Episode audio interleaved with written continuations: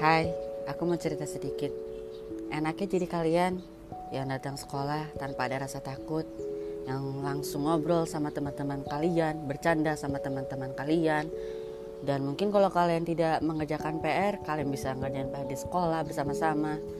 Dan sedangkan orang yang dibully, mereka takut untuk ke sekolah. Takutnya kenapa? Ya mereka dibully.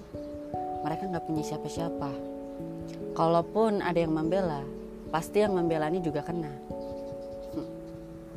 Hai, untuk pembuling, pembuling, pembuling. Sengaja aku ngomongnya diplesetkan karena aku sungguh amat benci dengan kata itu.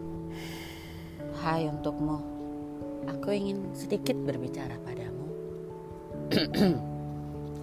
Kenapa kamu menganggap pembulian itu bercandaan? Pembulian itu hal yang konyol. Kenapa kamu menganggap hal itu? Kenapa kamu tidak memikirkan yang kamu bully itu gimana?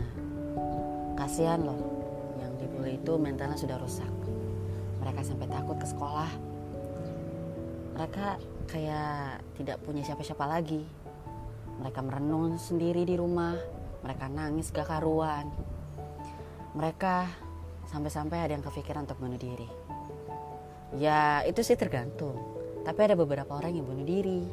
Ada beberapa orang yang menjadi gila karena pembulian.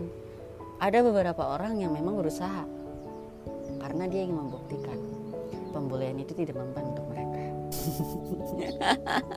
Dan ini pesan untuk anak-anak yang sedang dibully.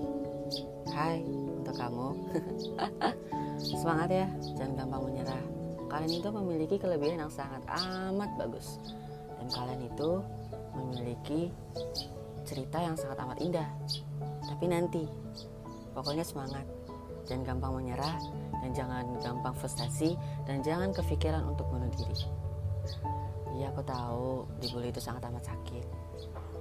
Tapi kalian bisa kok membuktikan bahwa kalian itu tidak lemah, bahwa kalian itu hebat. Semangat ya. Dadah.